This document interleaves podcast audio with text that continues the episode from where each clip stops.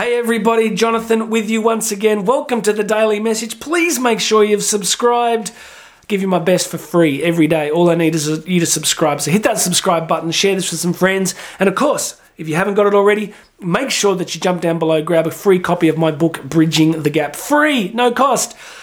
Broken it down into short chapter PDFs. I'm going to send you one every two days for a week. They're really short chapters. You're going to love it. Totally free grab a copy below of Bridging the Gap. You ready to go? Let's do this. Today we are sharing a message from the great Roman philosopher, all round big brain guy, Seneca the Elder. I, I, I just I don't know why they didn't have surnames. But anyway, Seneca the Elder. Let's do it. A person's real belief is that which they live by. What a person believes is the thing that they actually do not the thing that they think. All right, there is a very rich vein of philosophy and human experience in this one. It is not what you tell yourself that you think is important. It's what you actually do. We're all capable of saying, Well, I really believe in this, and I really think this is important. You know, if I come up to you and I say, Do you think exercise is important? You're going to probably say, Yes. And I say to you, Do you think it's important to be really fit, the most fit you can be given your state or age of life? You'll go, well, yeah, I guess. And so you'll think it, you'll agree with it, but you may not necessarily be doing it. So, what this reminds all of us is it isn't really what we tend to say, it isn't really what we tend to think we believe, it's what we actually do.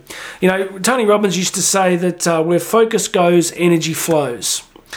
So, he could invert that and go where the energy flows, the focus goes, right? So it's what we actually do that matters, not what we say, the not, not what we say we might do, not what we say we value or think is important.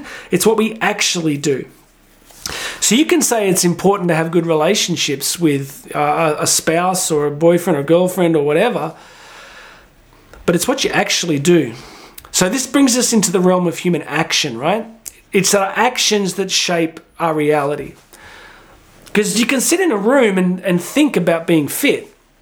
You can sit in the room and think about starting a business. You can sit in a room and think that changing career or fixing a relationship with one of your kids or a friend is important.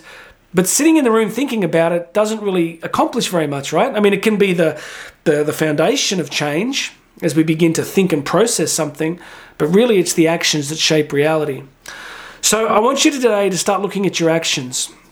In whatever area is important, and these key areas will usually be career and finance, health and fitness, relationships, spirituality, where is your time going?